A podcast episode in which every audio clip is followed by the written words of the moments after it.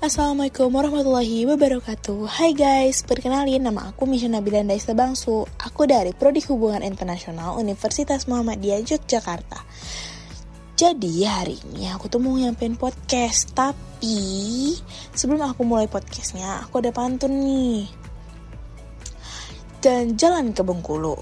Jangan lupa membawa uang cash. Kalian dengerin aku dulu ya Karena aku mau cerita lewat podcast. So, Uh, judul kita hari ini adalah agresivitas kekuasaan dan warisan budaya dari Kerajaan Ottoman.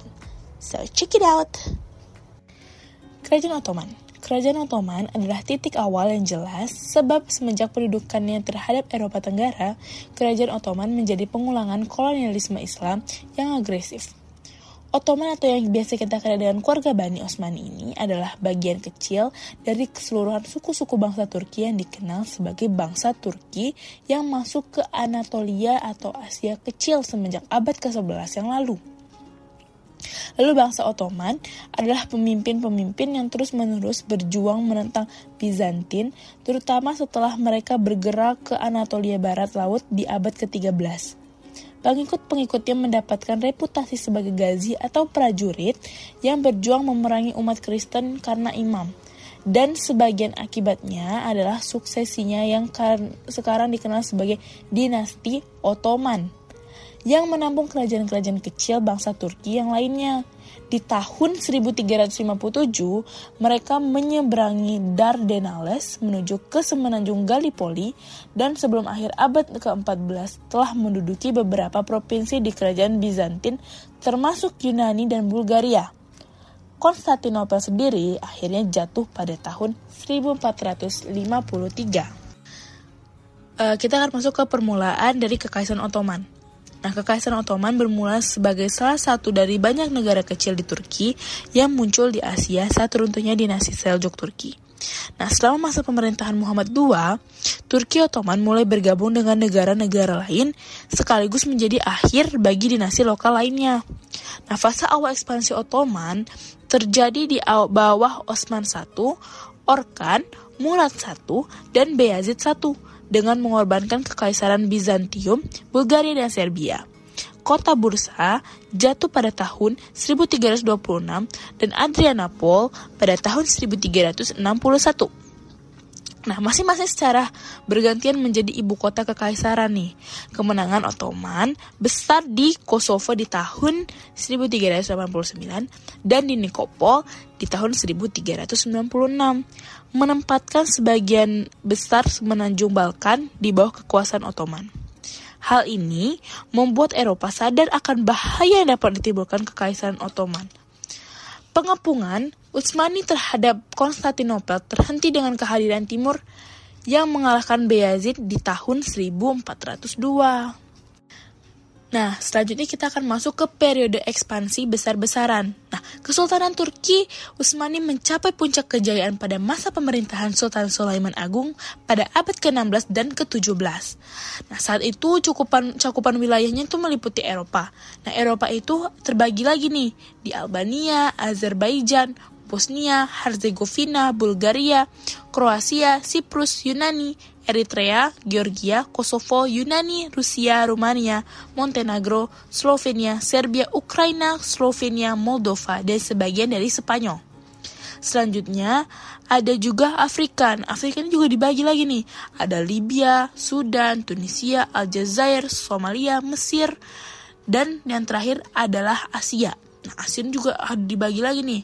Yaman, Irak, Iran, Palestina, Saudi Arabia, Kuwait, Bahrain, Suriah, Oman, Qatar, Lebanon juga termasuk Indonesia. Nah, Kekaisaran Ottoman dipersatukan kembali oleh Muhammad I, kemudian berkembang dengan penuh kemenangan di bawah penerusnya Muhammad Murad II dan Muhammad II kemenangan di Varna di tahun 1444 atas tentara salib yang dipimpin oleh Ladislaus III dari Polandia diikuti oleh penangkapan Konstantinopel pada tahun 1453 dan mulai saat itulah Ottoman menjadi bagian besar dalam sejarah Konstantinopel serta peristiwa jatuhnya Konstantinopel ke depannya. Kekalahan Hungaria pada tahun 1526 di Mohacs itu merupakan uh, pembuka jalan bagi Kekaisaran Ottoman untuk melakukan penangkapan Buddha pada tahun 1541 dan penguasaan sebagian besar wilayah Hungaria, yaitu Transilvania menjadi suatu wilayah istimewa. Nah, sebagaimana dengan Wallachia dan Moldavia, serta perbatasan kekaisaran dengan Asia melebar hingga ke Persia dan Arab. Nah, di tanggal 14 Juli 1683, tentara Turki di bawah kepemimpinan Wazir Akbar Kara Mustafa mengepung Wina. Nah, perang di Wina ini adalah perang antara pasukan kerajaan Ottoman dengan tentara Austria setelah dua bulan lamanya Ottoman mengepung Wina dan hampir mendapatkan kemenangan. Namun, Kaisar Austria mendapatkan bantuan dari Polandia sehingga kepungan tentara Ottoman dapat dilawan dan mereka terpaksa mundur dari medan pertempurannya. Nah, selanjutnya kita akan menjelaskan tentang menurunnya kekuasaan Kekaisaran Ottoman nih. Nah, pecahnya negara bagian merupakan dorongan dari perang antara Rusia dan Turki pada abad ke-18. Mesir hanya merasakan kekalahan sementara dari tentara Napoleon. Tetapi perang kemerdekaan Yunani yang digencarkan selama 8 tahun lamanya, yaitu perang antara Rusia dan Turki pada tahun 1828 sampai 1829 dan perang dengan Muhammad Ali dari Mesir mengakibatkan hilangnya Yunani dan Mesir. Kontrol Rusia atas Moldavia dan Wallachia serta Serbia yang hampir memperoleh kemerdekaan, reformasi yang drastis terjadi pada abad ke-18 dan awal abad ke-19 nih oleh Selim III dan Mahmud II. Namun sayangnya mereka sudah terlambat. Di abad ke-19, Turki pun digelari sebagai sick man of the Europe atau orang sakit Eropa. Melalui serangkaian perjanjian kapitulasi yang dimulai sejak abad ke-16 hingga ke-18, Kekaisaran Ottoman secara bertahap kehilangan kemandirian ekonominya secara teoritis. Turki memang mendapatkan kemenangan pada Perang Crimea. Namun, dampak ekonomi yang muncul dari perang tersebut sangat besar dan memperburuk kondisi ekonomi Turki pada kala itu. Perang Crimea yang melibatkan Rusia dan Kekaisaran Ottoman serta aliansinya usai setelah penandatangan perjanjian perdamaian pada 30 Maret 1856 di Kongres Paris. Pemberontakan dari Bosnia-Herzegovina akibat penanganan buruk Turki Utsmani terhadap Kroasia Katolik dan Serbia Ortodoks memicu perang antara Rusia dan Turki pada tahun 1877 sampai 1878 di mana Turki berhasil dipukul mundur meski memiliki kedudukan yang kuat. Rumania di dalamnya adalah Wallachia dan Moldavia, Serbia, dan Montenegro mendeklarasikan diri sepenuhnya independen. Sementara Bosnia dan Herzegovina berada di bawah pemerintahan Austria. Bulgaria membuat kerajaan yang hampir independen juga dan mencaplok bagian timur Rumelia pada tahun 1885 dan menjanjikan impunitas. Pada tahun 1839, Sultan Abdul Al-Majid mengeluarkan dekret berisi badan penting reformasi sipil.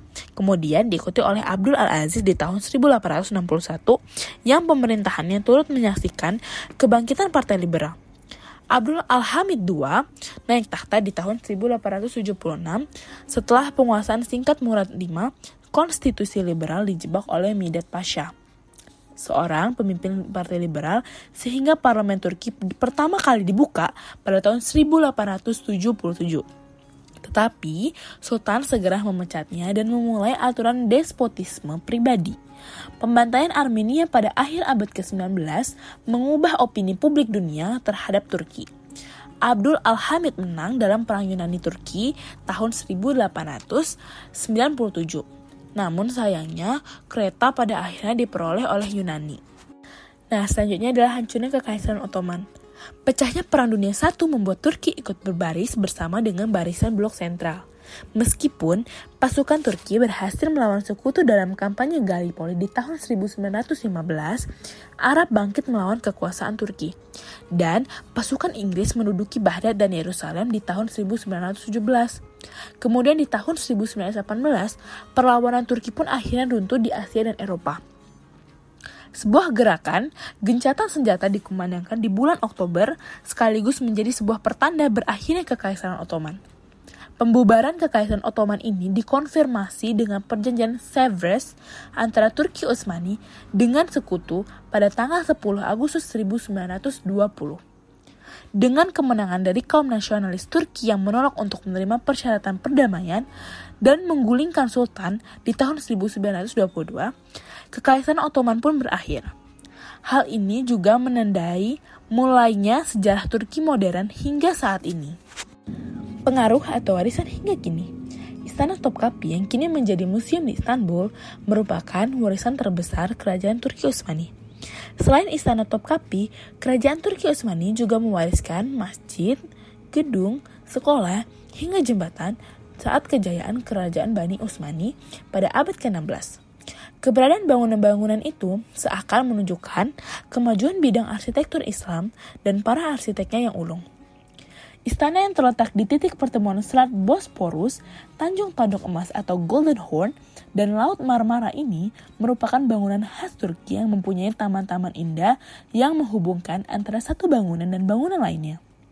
Taman-taman yang hijau ini dipenuhi oleh pohon-pohon yang rindang.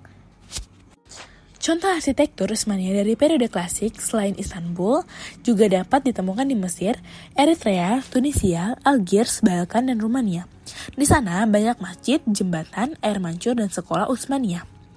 Seni dekorasi Utsmania berkembang seiring banyaknya pengaruh dikarenakan keragaman etnik di Kesultanan Utsmania. Para pengrajin memperkaya Kesultanan Utsmania dengan pengaruh seni pluralistik, seperti mencampurkan seni Bizantium tradisional dengan elemen-elemen seni Cina. Seni pemintalan karpet sangat berkembang di Kesultanan Utsmania. Karpet memiliki nilai tinggi baik sebagai perlengkapan dekorasi yang kaya akan simbolisme agama dan lainnya maupun sebagai pertimbangan praktis. Karena penduduk harus melepas sepatu sebelum memasuki rumah. Pemintalan karpet berawal dari budaya nomaden di Asia Tengah, yaitu karpet adalah bentuk perlengkapan yang mudah dibawa, lalu menyebar ke masyarakat Anatolia yang sudah menetap. Bangsa Turk memakai karpet, permadani, dan kilim tidak hanya untuk alas ruangan, tetapi juga gantungan di dinding dan lorong yang berfungsi sebagai insulasi tambahan. Karpet juga sering disumbangkan ke masjid dan karena itu, masjid pada umumnya juga memiliki banyak koleksi karpet. Sepanjang sejarah Kesultanan Utsmania, masyarakat berusaha membangun perpustakaan besar yang dilengkapi oleh buku terjemahan dan peradaban lain dan manuskrip aslinya dan serta juga contoh jam yang mengukur waktu dalam hitungan menit juga dibuat oleh seorang pengrajin jam Utsmania yaitu Meshur Syekh Dede di tahun 1702. Kejayaan Imperium Turki Utsmani merupakan salah satu kajian penting dalam sejarah dunia pada umumnya dan sejarah kejayaan peradaban Islam, khususnya pengaruh yang ditimbulkan oleh peradaban ini terhadap peradaban dunia kontemporer. Sangatlah kuat. Disadari atau tidak, diakui atau tidak, pengaruh ini terbentang dari Timur Tengah, Balkan, Eropa Tengah, dan Eropa Barat hingga ke Asia. Bahkan, sampai hari ini, pengaruh-pengaruh itu tetap bisa kita rasakan. Bisa jadi karena besarnya pengaruh Imperium Turki Utsmani ini ditambah dengan faktor romantisisme sejarah yang terlampau berlebihan. Keinginan untuk mewujudkan kembali model pemerintahan khilafah seperti Turki Utsmani ini muncul belakangan ini di kalangan tertentu umat Islam.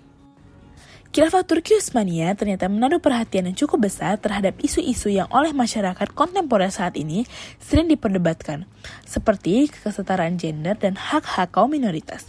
Turki Utsmani memiliki peran yang cukup penting dalam menanamkan nilai-nilai politik demokratis pada saat ketika Turki menganut sebuah sistem demokratis dan sekular.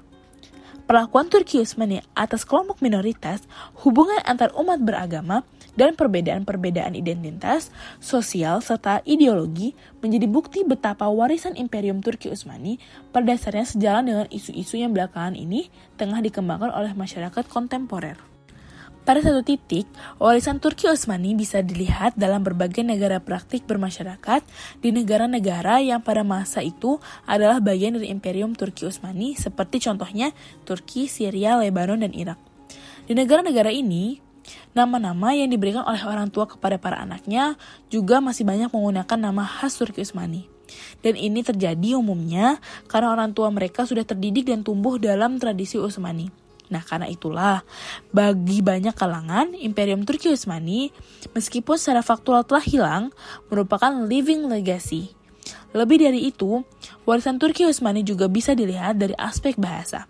Salah satu tahapan pengaruh Turki Utsmani terhadap peradaban dunia adalah dalam bentuk penetrasi yang luar biasa terhadap sejumlah bahasa. Nah, itu tadi sejarah dari kejayaan dan keruntuhan Ottoman Empire ya teman-teman. Yang aku beri judul Agresivitas Kekuasaan dan Warisan Budaya dari Kerajaan Ottoman. Teman-teman juga bisa mencari sejarah tentang kejayaan dan keruntuhan Ottoman Empire dari berbagai literatur ya. Terima kasih sudah mengikuti podcastku dari awal hingga akhir. See you next in my podcast. Bye-bye.